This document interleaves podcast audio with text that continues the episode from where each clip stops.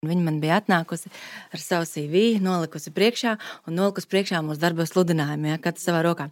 Un tad viņa punkts punktā. Rekur jums ir šī prasība, viņa atbilst tam punktam CV. Rekur šitais atbilst tam un šitā te nolika. Tur viss atbild, jā. jā, pēc CV, un viņa tieši tā arī to prezentē, brutāli punkts pa punktam.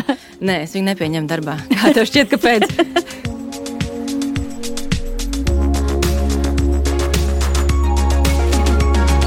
Čau! Es esmu Vineta Bērziņa, un tu klausies podkāstu, kas palīdz atrast darbu. Mans podkāsts ir cilvēcīgas un saprotamas sarunas par darba meklēšanu un atrašanu. Šodien pie manis uz sarunu ir atnākusi Aija Iesalniece. Viņa ir runas rāmis dibinātāja, supervizora, kā arī improvizācijas metožu trenere. Sveika, Aija! Sveika! Vai es pareizi tev pieteicu, vai kaut ko neaizmirsu, jo, kad pētīju to LinkedIn profilu, tur bija tik daudz visa kā. Tā kā tu rakstīji kādu laiku atpakaļ, kad tevi interesē cilvēki ar eh, profesijām, kuras neviens nesaprot un nevar, un nevar eh, izlasīt un tam līdzīgi, tad ir ļoti līdzīgi. Es eh, joprojām jau šķiet, ka jau ceturto gadu samulstu, kad man prasa, kā Kas man sauc, esi, jā? jā, un nu, nevis kā man sauc, bet ko es daru. Mm -hmm. Tu pieteici ļoti labi. Principā tā arī ir. Bet, jā, pirms ķeramies pie tā visu, gribu varbūt nedaudz parunāt par tavu, par tavu kā, darba pieredzi, karjeru. Pirms mūsu tikšanās apstājos tavu LinkedIn profilu, man uzreiz radās jautājums, kā tu no nebanku kredītdevēja jomas esi nonākusi tur, kur tu esi šobrīd, attiecīgi improvizācijas lauciņā. Es nekad no viņa neesmu aizgājis prom. Es viņā pat biju vēl ātrāk. Es vairāk kā 20 gadus jau esmu improvizācijas teātris. Wow, to gan es Jā. laikam nebiju piefiksējis. tas, tas vienmēr ir bijis kopā ar mani. Un tās zināšanas, un, un prasmes un lietas, ko improvizācija attīstīs, tas vienmēr esmu izmantojis savā karjerā. Tikai salīdzinoši nesen es sapratu, ka izrādās tā ir profesija. Izmantot šīs improvizācijas lietas profesionālajā karjerā, un apmācībās un līderībā. Un tad eh, loģiski nebija jautājumu, ka pārlikt no nebanku kredītu sektora uz to lietu, kuru es mīlu. Un pirms cik gadiem tu izdarīji šo lēcienu? um, trešais gads ja es tā nemaldos. Jau trešais jā, gads. Jā. Mm -hmm, mm -hmm. Nu jā, es esmu bijusi uz improvizācijas teātra, gan jau, gan jau klausītājs arī ir, ir bijis cerams. Bet, jā, varbūt tu vari paskaidrot, kas tas vispār ir improvizācija. Jo nu, es esmu bijusi, piemēram, uz teātri, aptuveni saprotu, kas ir improvizācija, bet varbūt ir kaut kāda tā, kā tāda definīcija, nezinu. Mm -hmm um, improvizācija uh, verbālajā leksikā, man šķiet, ka viņai ir tādi, tādas divas puses, kas ikdienā cilvēki zina. Viens ir tas, ko tu minēji, šis improvizācijas teātris, un, ja parasti saka, tad ir asociācijas skutelis un joki un stand-ups, un tad ir uh, otra tā puse, kad improvizācija ir tad, kad nekas nestrādā un tu nezini, ko darīt. Tad jā, no improvizējam, jā, jā. kas ir tā negatīvā puse. Bet patiesībā tas ir daudz plašāks jēdziens. Džēza mūzika ir improvizācija, dēļā ir improvizācija, mākslā. Viņa ir visur. Un, ja man te ir jādod definīcija, tad tā ir spēja izmantot savu prātu, lai ātri reaģētu uz jebkuru situāciju, kas tajā brīdī notiek. Un, lai to izdarītu, tev ir jābūt klātesošam. Tu nevari būt kaut kur citur, tu nevari aizdomāties, un tu nedrīkst arī savā galvā aizdomāties, kad bauds, ko visi tagad padomās. Un tam līdzīgi. Tā ir klātesamība un ātra reakcija. Paldies par definīciju, cik interesanti. Jā, nebiju, nebiju par to aizdomājusies, varbūt iepriekš. Es jā, veicu izpēti pirms mūsu sarunas, un minēju, un pat pamanīju, ka tev ir tā kā, ka tu darbojies trīs biznesos. Es redzēju, tur runas rāmis Āja iesaulniec, kur tu piedāvā klientiem šo supervīziju un arī improvim biznesu. Nezinu, es pareizi izrunāju šo pēdējo, bet varbūt tie, kuri nezina, kas varbūt ir supervīzija, pirms mēs arī ķeramies pie tā, ko tu tā kā šobrīd dari. Kas ir supervīzija? Jā, ticu, ka daudz varbūt nezina. Supervīzija, lai piedod man pasniedzēju, bet es viņu saucu par darba psiholoģiju. Man šķiet, ka tā ir visvieglāk paskaidrot. Um, Jo ir pazīstami lielākoties, iespējams, arī jau tavs klausītājs ar coachingu, kas ir izaugsmē, gan privātai, gan profesionālai, uz nākotnes mērķu sasniegšanu. Iespējams, ar cilvēku pazīstam arī ar psiholoģiju un psihoterapiju, kas ir darbs ar, ar pagātni un ar visādām lietām, kas traucē šodien dzīvot, gan privātajā, gan profesionālajā. Tad supervīzija ir tur pa vidu. Viņa ir tikai un vienīgi par profesionālo darbu. Viņa neaiztiek pagātni un mammu liek mierā, ja? un viņa arī neskatās ļoti tālu nākotni. Viņa profesionāli strādā ar tām lietām, izaicinājumiem, problēmām vai, vai vēlmēm, sāpēm, kas ir šobrīd cilvēkam darbā. Tas var būt gan izdegšanas, gan konflikta situācijas, gan varbūt eh, iestrēgšanas sajūta, ka es esmu vai neesmu īstajā vietā. Un tam tiek izmantotas dažādas metodes, kas palīdz atrast atbildes uz tiem jautājumiem, uz kuriem nesanāk atrast un iet visu laiku uz riņķi tajā darbā un netiek galā. Un tad es saprotu, ka viena no tām metodēm, kas tiek izmantotas supervīzijā, ir coaching. Coachings ir viena no metodēm. Jā. Mm -hmm, tad tas ir kaut kas plašāks. Attiecīgi. Jā, gan coachinga metodes, gan um, dažādas asociāciju metodes. Ir pat supervizori, kas izmanto drāmas terapiju, dejas, kustības. Tā var būt vienkārša saruna. Lielākoties jau tā ir vienkārša saruna, bet tāda ļoti. Uh, konstruktīvi vesta. Un kas ir forša lieta? Supervizors drīkst dot arī padomus. Koči to nedrīkst. Supervizors drīkst arī pakonsultēt un padalīties savā pieredzē un, un palīdzēt tam klientam virzīties uz priekšu tajā viņa profesionālajā lietā. Tagad varbūt gribu pievērsties tam tavam profesionālam, profesionālajam lauciņam, tātad improvizācija. Un uh, papētīju tavu mājaslapu, un uh, man likās tā ļoti interesanti, kad šīs improvizācijas metodes uh, tiek piedāvātas arī personāla atlasē. nu, tā kā bez mazā, jā, mans, mans attiecīgi lauciņš personāla atlase, darba meklētāji. Bet varbūt varētu lūdzu pastāstīt, uh, ja, piemēram, es būtu darba meklētājs, kā tad es varu saprast, uh, kas notiek šādā intervijā, kādas metodas tiek pielietotas, un vai vispār es kā darba meklētājs kaut ko tādu vispār varētu pamanīt. Es varbūt tādu mazu ievadu stāstu, jo tad, kad mēs šo pakalpojumu izstrādājām, starp citu arī kopā ar tiem pašiem Nīderlandes kolēģiem, kur, kur to jau kādu laiku dara, tad es atcerējos vienu savu darba interviju, kas bija pirms puf, nu, kaut kādiem gadiem desmit. Un man bija šausmīgi liela vēlēšanās dabūt to darbu. Tas bija amats, kurā man nebija nekādas pieredzes, nekādu zināšanu, nekādu kontaktu un galu, kā saka, mūsdienās vispār, bet man bija ļoti, ļoti liela vēlēšanās tur strādāt. Mm. Un uh, darba intervijā man uh, personāla vadītāja teica, ok, ja tu man atbildēsi uz vienu jautājumu, tad es pieņemtu darbā. Un tas jautājums bija sekojošs. Viņa nolika uz galda baltu lapu mm -hmm. un teica, pierādi man, ka viņa ir melna. okay. Un tad es pieņemtu darbā. Jā. Un es dabūju to darbu. Es pierādīju, ka, ka tā lapa ir melna. Eh, šis varbūt, lai paliek, var to komentāros sarakstīt, kā liekas, ko darīt. Es pēc tam varu izstāstīt pareizo atbildi. Bet pareizās atbildes nav.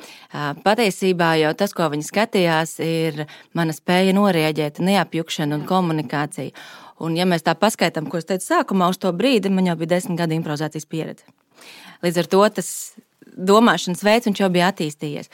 Un ko viņa izdarīja ar šo uzdevumu? Viņa identificēja, kādas šobrīd ir manas prasmes, cik ātri es reaģēju, vai es eju vai es neju konfliktā, vai es apstulbstu no, no šķietami absurda jautājuma. Jo patiesībā tās lietas, kuras nevar līdz galam saprast darba interviju laikā, ir kā cilvēks reaģēs tajās nestandarta situācijās. Tad, kad ir krīze, tad, kad ir slavenā vuka pasaule, kad viss neparedzamais notiek visapkārt, tad, kad ir stress.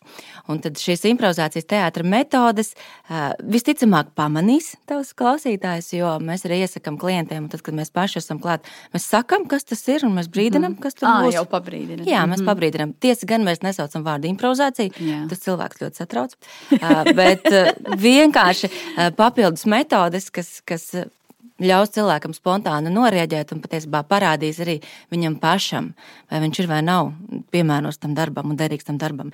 Jo tu varbūt ļoti gribi, bet tu nokļūsi un saproti, bāc, kur es nokļuvu. Nu, tad tu vismaz atlasē jau, jau to sapratīs, tā ir vai nav tava lieta, vai tev sakritīs vērtības.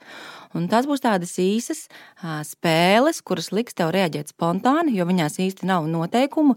Tā nav lomu spēle, kur tu vari izdomāt pareizo atbildi. Tur tu noreaģē, kāds nu tu esi. Kāds tu esi. Jā, jā un jā. Nav, nav iespējams to īsti noslēpt. Paldies jā, par savu personīgo piemēru, bet man ļoti interesē, ko tu, Kā, atbild, ko tu atbildēji. Ko tu atbildēji par to? Ko lapu? tu atbildētu? Ārprāts, ko es atbildētu? Es kaut ko droši vien par gaismu mēģinātu stāstīt, ka kaut kas atspīd un kaut kas nav pareizi tajā lapā, un īstenībā viņa ir melna. Nu, man tas ienāca prātā. Aha. Es tagad atceros, kā es tev teicu, ka viņa ir melna. À, bija tā, ka viņa saka, es saku, viņa ir melna, pierādi man pretējo. À, tā, tā bija. Un uh, tur bija pilspāva uz galda. Es uzvilku, es nepaprasu, kādā krāsā pilspāva. Viņa saka, melna. Mm -hmm. Es novilku uz lapas svītru un teicu, ja būtu melna lapa, vai tu redzētu melno pilspāvu? À, sapratu. Jā, paldies, paldies par šo piemēru. Pirms ejam vēl varbūt pie kaut kādiem piemēriem. Es labprāt arī ar tevi izspēlētu kaut kādu šādu te, mm -hmm. me metodas, varu uz mani arī patestēt. Bet sākumā varbūt varētu lūdzu vienkāršiem vārdiem izskaidrot, kas tad ir tā pielietojamā improvizācija? Varu. Vari, ja? Jā, super. varu. Pielietojamā improvizācija tā ir metode, kas izmanto improvizātora domāšanas veidu un principus.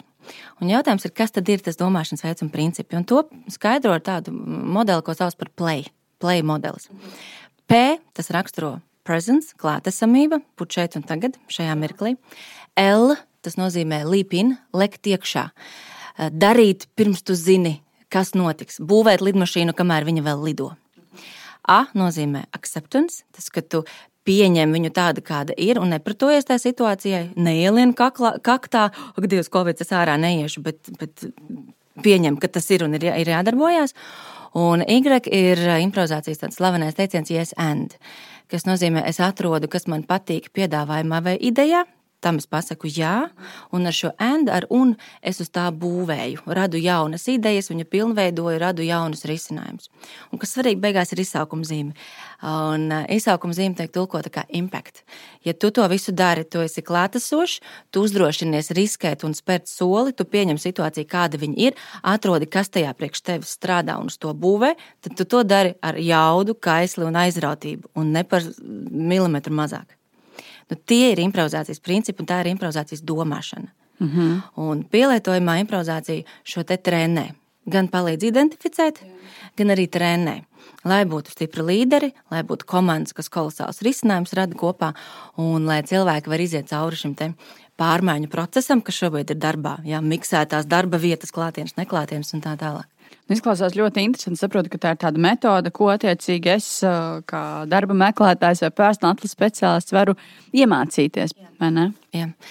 Tas, tā metode sastāv no daudzām īsām spēlītēm, kuras arī ar tevi var izspēlēt. Un viņas gan spēlējot, gan arī pēc tam analizēt un reflektējot, kas ir no coaching un supervīzijas tāds pazīstams vārds, refleksija ar domu, ka tu saproti, kas ar tevi notika tās spēles laikā, tu atrodi iespējas izmēģināt un eksperimentēt ar jauniem uzvedības modeļiem. Ja tu, piemēram, vienmēr esi bijis tas, kurš atkāpjas, tad to, to ar šīm spēlēm var patestēt, kā būtu, ja es ietu pirmais, nevis atkāptos. Un tu to dari pavisam drošā vidē. Tev nav iespējams izgāzties, un neviens tev pa galvu nedos, un neviens nedomās neko sliktu.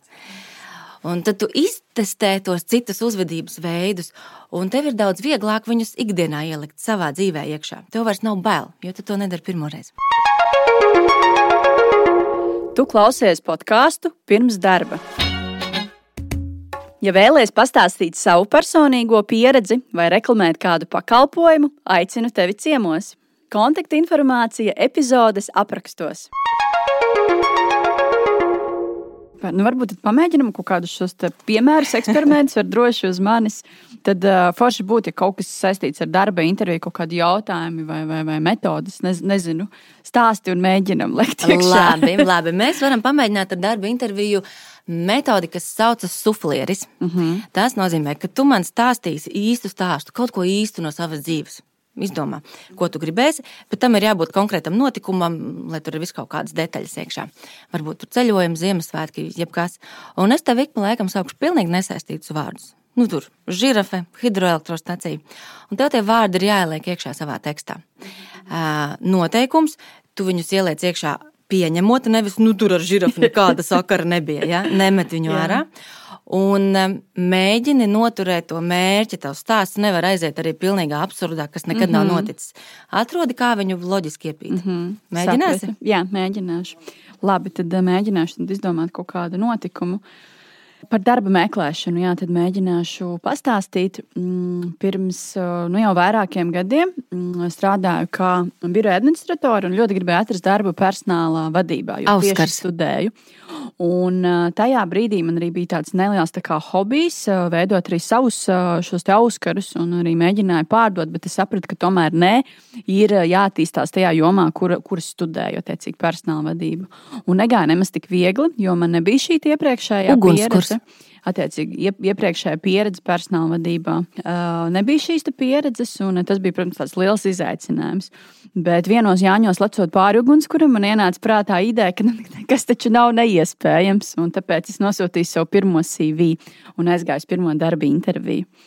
Un, uh, Beethovens. Un uh, pagāja īstenībā ļoti, ļoti diezgan garš laiks, kaut kāds gads, manuprāt, kamēr es atradu, atradu šo darbu. Es arī dzirdēju, ka arī Beethovenam neveicās tik sākumā viegli, varbūt savā profesijā, bet, nu, laikam līdzīgi arī, arī man toreiz bija, kad nu, gads kaut kāds pagāja, lai, lai atrastu šo darbu, bet es uh, toreiz atceros, ka uh, sajūtas bija tomēr tādas, kādas bija, jo bija arī šaubas, nepārliecinātība par sevi un bija daudz atteikumi īstenībā. Un tad es arī atceros, bija, bija viens tāds gadījums, kad mēs ar vīru pirms jaunā gada braucām pirkt eh, pirotehniku. Un šis man saka, nu, Vinet, cik tu vari stresot, tu noteikti atradīsi to darbu, un viss tev izdosies. Nu, protams, ka viņam bija taisnība, kas vienkārši tām intervijām gāja pārāk sastresojusies. Un tas bija viens no klupšanas akmeņiem. Un kā es dabūju attiecīgi to darbu? Vienu, vienu dienu jābraucu un domāju par tādiem dīvainiem vārdiem kā hidroelektrostacija, šaušlies dzelzceļš un, un citiem vārdiem. Un es sapratu to, ka man īstenībā varbūt kaut kas ir jāmaina savā CV. Un tad, kad es sāku pielāgot šo savu CV, tad man vairāk uzaicināja uz darba intervijām. Es kļuvu ar vien pārliecinātāka par sevi. Un vairāk nebija tāda sajūta, ka nāc uz to darba interviju un tev neveicu tā kā tādā peļķē atkal iegrimst iekšā. Un tā es dabūju šo savu darbu personāla atlasē. Nu, ļoti labi. Pastāstiet, cik tev labi sanāca. Gan iznosvīdu. Kā tu jūties šī uzdevuma laikā? Ļoti labi. Kādas bija emocijas, kad nāca iekšā vārdi, kas pilnīgi nav saistīti ar to, ko tu saki? Nu, emocijas bija tādas, ak, Dievs, kur lai šo vārdu liek iekšā. Un tu tiki galā? Jā, es kaut kā mēģināju no tās privātās dzīves pielikt klāt uzreiz, uzreiz to vārdu. Un kā tev liekas, kā šo var izmantot darba intervijās? Kāpēc es tev šādu metodi iedevu? Jā, tad šo darba intervijās varētu izmantot, lai notestētu, nu, kā cilvēks kaut kādās stresa situācijās reaģē, vai viņš, teiksim, tā iet un dara, vai tomēr pasakā, es to nevaru, vai sāk tur apmulst un kaut kādas dīvainas reakcijas. Noteikti, noteikti viens jā, šis stresa, stresa situācijas, un otrs varbūt jā, gan, gan tā kā improvizācija, gan arī kaut kāds radošums.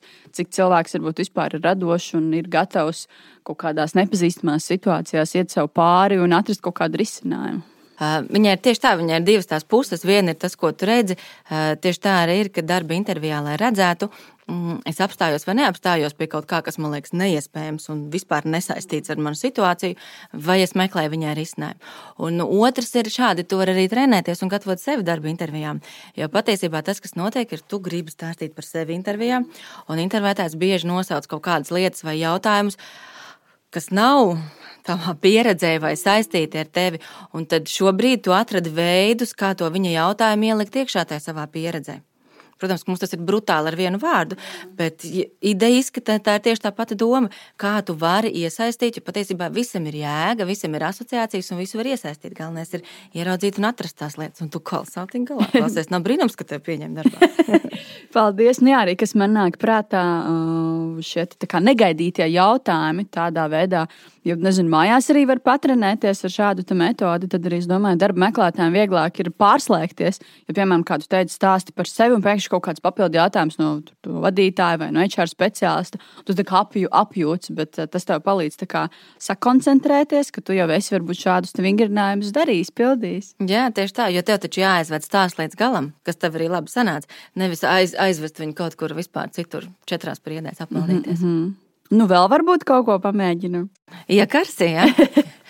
Tā, ko mēs tev vēl varētu? Pilnīgi no citas ārijas patestēt, ja? Mm -hmm, kaut ko jā, citādā. Aha, tā, tūlīt es domāšu, kura tā būs. Ka, varbūt tu vari pateikt prasmi, ko tev šķiet, ko būtu ļoti būtiski notestēt darba intervijas laikā. Nu, piemēram, orientācija uz klientu apkalpošanu, kad nu, bieži vien tādās profesijās kā klientu apkalpošana, tur zvanu centrs, nu, viss, kas saistīts ar klientiem, investoriem, šāda bieži vien ir svarīga kompetence.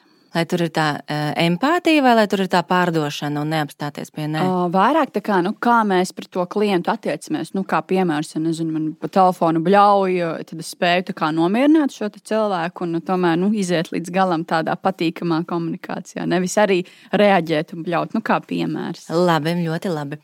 Uh, šim īstenībā ir ļoti labi tādi kustīgi uzdevumi, bet tā kā mēs neredzam, kā mēs šeit kustēsimies, es tev iedošu verbālo uzdevumu. Un verbālais uzdevums būs pavisam vienkārši. Kas ir tāda tēma, par ko tu ritīgi dedz? Nu, kas tev ir svarīga? Kāda ir tā tēma? Bet kur tev arī ir konkrēts viens viedoklis? Var pateikt? Mm -hmm. nu, tur par vai pret kaut ko, nu, kaut kas tāds, ka tev ritīgi ir viens viedoklis par to tēmu.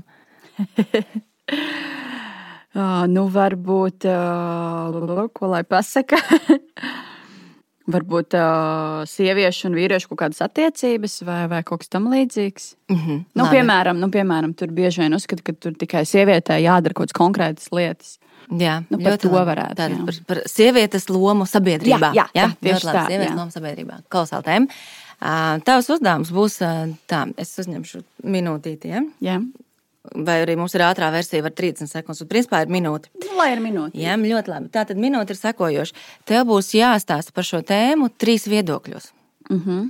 Un um, parasti ir salīdzinoši vienkārši. Pirmais ir par, otrais ir pret, un trešais mm, tur paliek sarežģīti. Kāds ir trešais? Jā. Tev būs jāmēģina izstāstīt par šo tēmu no trim dažādiem viedokļiem, kas ir absolūti pretstati. Mm -hmm. nu, piemēram, ja es stāstītu par skolēniem, ja, tad es varētu stāstīt no skolēna viedokļa, cik kolosāli ir attālinātās mācības, tad no skolotāja, kurš jūg prātā, un pēc tam varbūt no vecmāmiņas varakļānos, kur vispār nezinu, kad skolēniem ir attālinātās mācības. Ja? Vienalga. Bet no trim dažādiem viedokļiem. Lai viņi būtu krasi pretēji par sievietes lomu sabiedrībā. Mm -hmm. Pirmā minūte aiziet.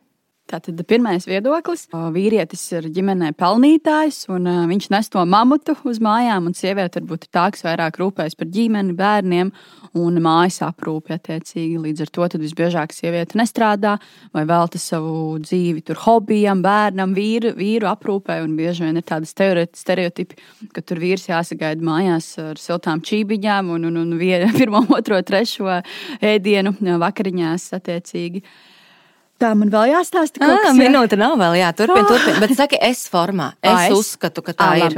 À, es uzskatu, ka uh, tas ir pilnīgi normāli. Un, protams, vīrietim ir jāpelna nauda, un sieviete var attiecīgi rūpēties par sevi, par savu skaistumu, iet iepirkties un rūpēties par bērniem. Uh, un man liekas, ka tā ir tikai tāda norma, jo nu, taču, vīrietis ir vīrietis, tāpēc, lai viņš nestu šo naudu, naudu mājās, savukārt sieviete radīta skaistumam, labsajūtai, lai veidotu mājās šo te, cits viedoklis. Uh, mans viedoklis ir tāds, ka uh, sieviete ir līdzvērtīga ar vīrieti, un uh, abi var gan, gan strādāt, gan veidot kaut kādus savus hobijus, gan arī kopā audzināt bērnus. Un, uh, es uzskatu, ka tomēr uh, ir lieliski, ja gan sieviete, gan vīrietis, piemēram, kopīgi tātad vai nu tīra māju, vai nu gatavo ēst. Un, uh, bieži dzird aizbildinājums, ka nav laika vai kā, bet es par saku, ir taču tik daudz uh, mūsdienu tehnoloģiju, tur aeroboti un kas tik vēl cits. Ne? Nav jau pagājušais gadsimts, kad uh, sieviete no rīta līdz vakaram mazgāja veļu. Mums ir veļas mašīnas, kas izdara visu mūsu vietā. Un kādreiz arī nebija tā, ka uh, sievietēm tur nebija kaut kādas tiesības vai nevarēja īsti mācīties. Nu, šobrīd tomēr ir citi laiki, un uh, sieviete un vīrietis ir vienlīdzīgi. Tātad visiem ir iespēja gan mācīties, gan strādāt attiecīgi, un abi ir pilnīgi vienlīdzīgi. Gan naudas nesēji, gan arī kaut kādās citās.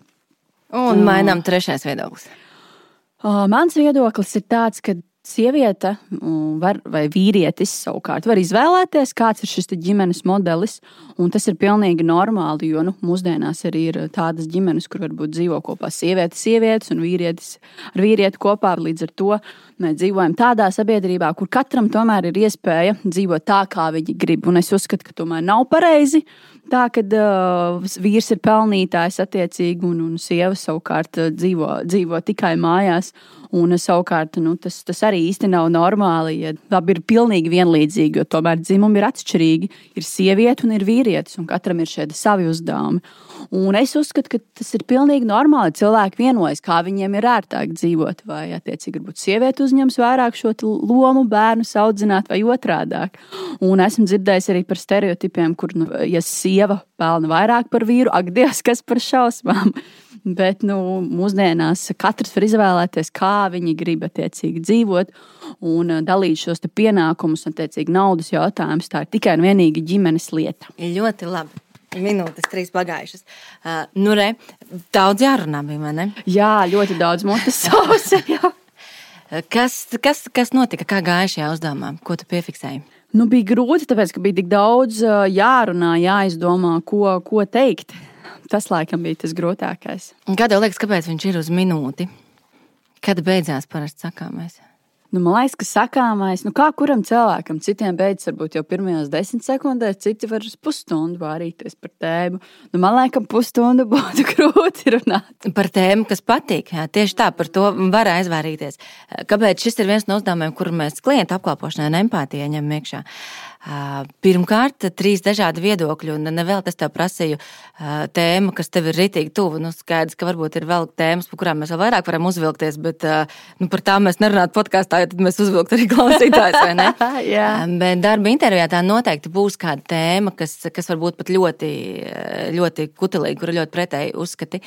Pirmkārt, tas parāda, vai tu spēj nolikt savas emocijas malā.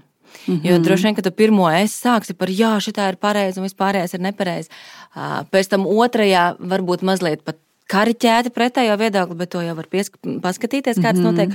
Un kas ar trešo viedokli notiek? Tad pirmkārt, vai tu vispār spēj savaldīt emocijas, kad ir jārunā par citiem viedokļiem? Mm -hmm. Un klienta apkalpošanā, kad tev zvana dusmīgi klienti, viņiem ir citāds viedoklis nekā tev. Un tas ļoti uzvelk, jo viņi tevi nesaprot, kā jā, tā, jā, Tā ir viena lieta, ko paskatīties. Otra minūte ir tādēļ, ka Par vienu no viedokļiem var būt, bet par visiem trim pilnīgi noteikti cilvēks nevarēs tik ilgi runāt. Un eh, tas, kas nāk ārā pirmajās 20, 30 sekundēs, tas ir kaut kas ļoti klasisks, sabiedrībā atzīts un zināms. Mm -hmm. Tad, kad iet ilgāk, tad nāk ārā īstenība. Tad nāk iekšķiņā ārā, ko, ko īstenībā cilvēks vēl domā. Un reizēm tur iznāk ārā tādas lietas, kuras ļoti labi, ka mēs zinām pirms pieņemam cilvēku darbā. Cik interesanti. Tā ka tur ir jā, vairākas lietas, kādēļ tieši šāds ir tas uzdevums. Un no S formas, jo ir grūti stāstīt par to, kam tu nepiekrīti no S formas. Tas vēl vairāk uzsver šo emocionālo, un mēs varam redzēt, kā cilvēks reaģē tādā situācijā. Un kā man izdevās? ļoti labi. Tev izdevās. Ļoti labi. Pirmā minūte jau gan tā bija 30 sekundes. Pagāja. Jā, vēl ir minūte. jā, jā, jā. Un pēc tam sāka jau nākt ārā tas. Es vēl gribu vienu tēmu pieskarties, izrunāt. Mm, kaut kad pavisam nesen mums podkāstā bija saruna ar, ar Jūriju, ar kolēģi par to, kā sagatavoties ne, tādiem negaidītiem jautājumiem. Mēs arī mm, ieteicām šiem darba meklētājiem mēģināt saprast, kas tad varbūt ir tie jautājumi, nu, nu, par ko cilvēki baidās un negribētu varbūt saņemt intervijā šādus jautājumus. Bet kāds varbūt būtu tavs padoms, kā sagatavoties šiem negaidītiem? Šiem jautājumiem pirms darba intervijas. Kā reiz arī viens, vienam klientam supervīzijā bija ļoti līdzīgs jautājums. Arī bija darba intervija, kur viņš stāstīja par to, ka viss ir kārtībā ar tiem jautājumiem, uz kuriem esmu gatavs, kas var būt par tēmu, un tad ir tādi neparedzamie jautājumi. Un atbilde ir pavisam vienkārši, ir jāimprovizē. Jo redzi, lai cik tas banāli neskanētu un, un aizvest atpakaļ pie mana darba un pie manas tēmas, bet tam, ko tu nevari paredzēt, tu nevari, tu nevari sagatavoties nekā savādāk, kā vien sagatavojot savu prātu. To, ka tu spēj neiet stresā, ka tu spēj sevi saglabāt emocionāli, tavs prāts joprojām strādā Tu zini arī metodas, ar kurām viņu iekustināt, ja pēkšņi ir melnais caurums un tu neko neatceries. Jā. Un tu paliec klātesošs. Tu vari redzēt, kas notiek telpā, kas notiek ar runātāju, kas tev prasa, un attiecīgi arī caur to, ko tu redzi un zini, savienot un dot to atbildi. Tā ir tā improvizācija. Un nevis improvizācija, ka ah, viss iet garām un es nezinu, ko darīt.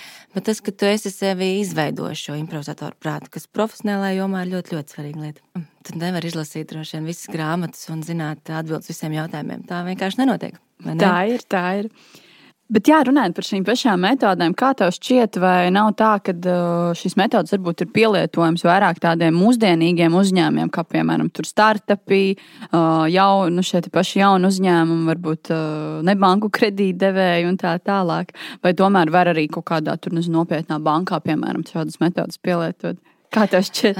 Kā mēs runājam pagājušā nedēļā ar manu treneri, kurš, kurš arī brauc pa visu pasauli un trenē šo te aplaidu improvu tad eh, jo mazāk uzņēmums zina, kas tas ir, jo vairāk viņam to vajag.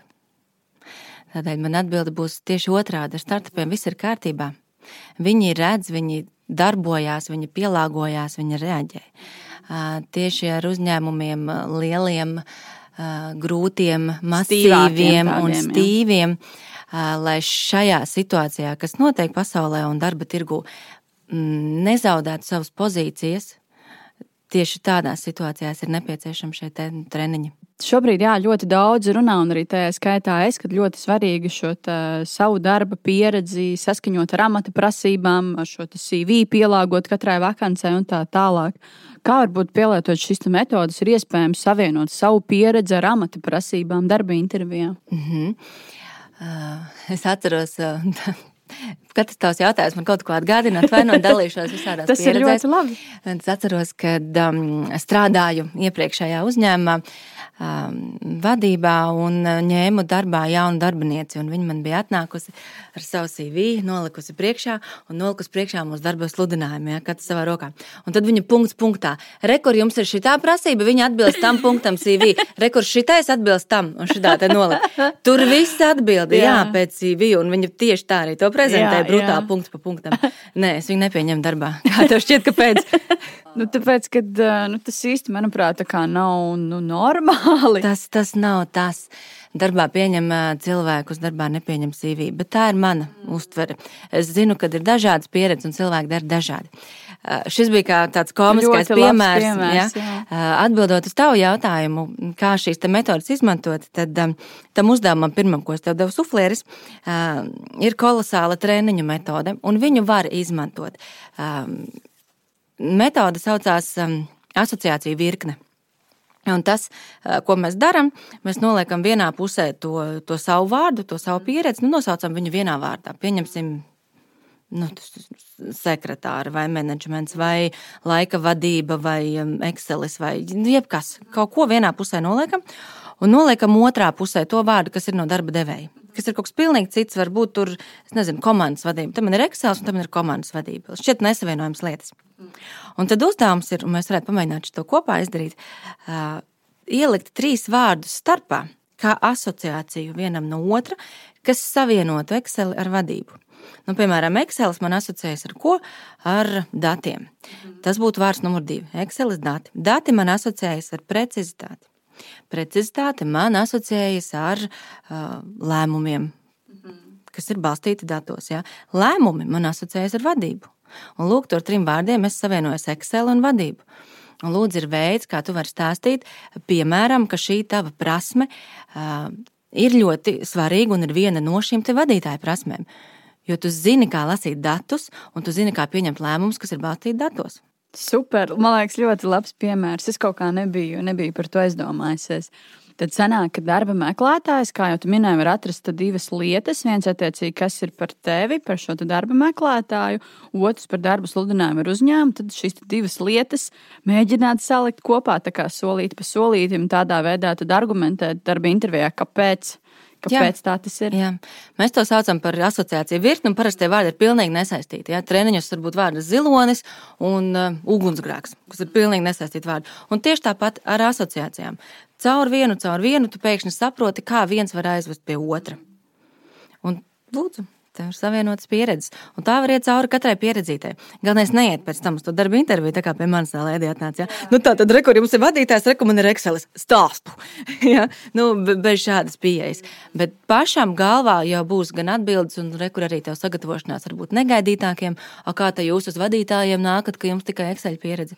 Ā, vot redz, kā nāku. A, jūs varat šitā? Nu, es varu. ja? Tā ka tas, tas noteikti palīdz gan savienot savas pieredzes, gan būt gatavam. Paldies par šo piemēru. Tad, kad tu stāstīji to savu stāstu par, par, par to darba interviju, man arī atnāca uh, arī atmiņā tāds stāsts, ka īstenībā tā nav bijusi viena reize, vien pat vairākas, kur intervijā šis darba meklētājs, uh, kad uzdod kaut kādu jautājumu, vai nu es vai nu darba devējs, ja tiešais vadītājs, saka, bet tas taču ir rakstīts manā CV, vai tad jūs nelasījāt manu CV? ne? nu, jā, arī kaut kas varbūt līdzīgs, ko tas ko, mazliet stāsta par attieksmi. Mm, jā, jā, jā, ir jautājums, gribam mēs negribam tādu kolēģi. Jā, jā, nu lūk. Tā kā liels paldies, Aija, ka atnāci. Un, un, un man ļoti patīk šīs metodes. Tāda interesanta šo, šoreiz sanāca, varbūt netipiskāka saruna podkāstā. Man piemēram, kā personāla atlases speciālistai, radās tāda vēlme kaut ko vairāk uzzināt, varbūt iemācīties. Es jau skatījos arī tavā mājaslapā, ka ir kursi pieejami. Un savukārt, ja tu esi darba meklētājs un šobrīd klausies, manuprāt, tādas foršas metodas, ko var mājās patrenēties un uztrenēt sevi, šo savu kaut kādu radošumu un spontanitāti. Jā, spontanitāti darba intervijās. Tā kā liels paldies tev! Un paldies, ka uzaicināji! Jā, atā! Tu noklausījies podkāstu, kas palīdz atrast darbu. Lai dzirdētu visas intervijas, seko pirms darba visās podkāstu aplikācijās, arī Facebook, Instagram un YouTube. Iesaki tēmu, nāc uz interviju vai reklamē savu uzņēmumu podkāstā. Kontaktus atradīsi epizodes aprakstos un manā LinkedIn. Uz sadzirdēšanos!